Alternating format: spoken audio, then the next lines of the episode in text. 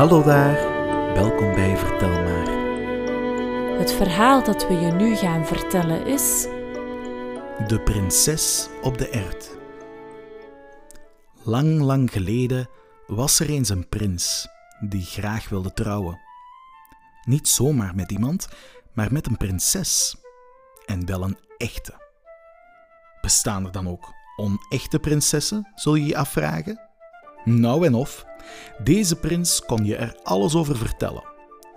Om een echte prinses te vinden, trok hij de wereld in. Overal ontmoette hij meisjes die zeiden dat ze prinses waren. En later kwam hij er dan achter dat dat helemaal niet waar was.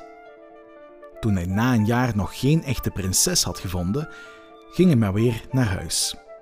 Naar het kasteel van zijn ouders, de koning en de koningin.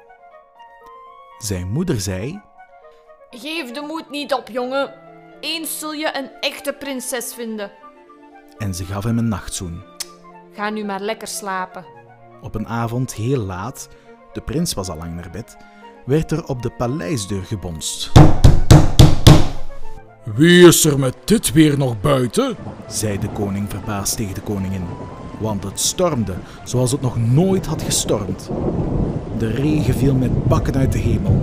Het donderde en bliksemde achter elkaar. Een verschrikkelijke avond dus. De koning deed open en liet een doorweekt kletsnat meisje binnen, Ik ben een prinses. zei ze. Ik maakte een boswandeling toen de storm opeens losbarstte.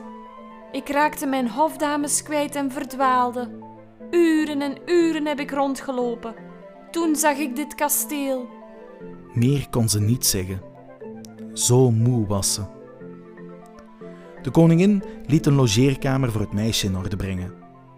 Maar voor ze naar bed ging, kreeg ze eerst nog droge kleren en een warm maal. Ze zegt dat ze een prinses is, fluisterde de koning tegen de koningin. maar of dat echt zo is? Het lijkt wel of iedereen tegenwoordig prinses is. Ja, fluisterde de koningin terug, zou het een echte zijn? Hoe komen we daarachter? zei de koning zachtjes. Ze heeft goede manieren en ze spreekt netjes, maar dat wil nog niet zeggen. Toen kreeg de koningin een idee. Op het bed waar het meisje in zou slapen, legde de koningin een ert. Daaroverheen legde ze een matras en daaroverheen weer een matras. En nog één en nog één, net zo lang tot er 27 matrassen op elkaar lagen. En daarop kwamen nog tien van de zachtste donze dekens.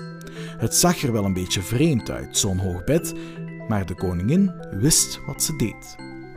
Toen het meisje klaar was met eten, wilde ze meteen naar bed, want ze was doodop. En dat was geen wonder. Ze moest met een ladder het bed inklimmen, zo hoog was het. De volgende morgen kwam het meisje een beetje bleekjes aan het ontbijt. De koning en de koningin vroegen nieuwsgierig of ze lekker geslapen had, Nee, helemaal niet. zei het meisje. Ik heb een akelige nacht gehad.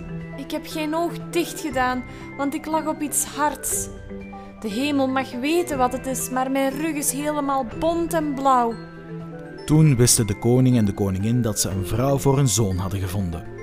Want alleen een echte prinses had zo'n teer en gevoelig huidje. Alleen een echte prinses kon een ert voelen door die stapel matrassen en dekens heen. Slim bedacht hoor, van die koningin.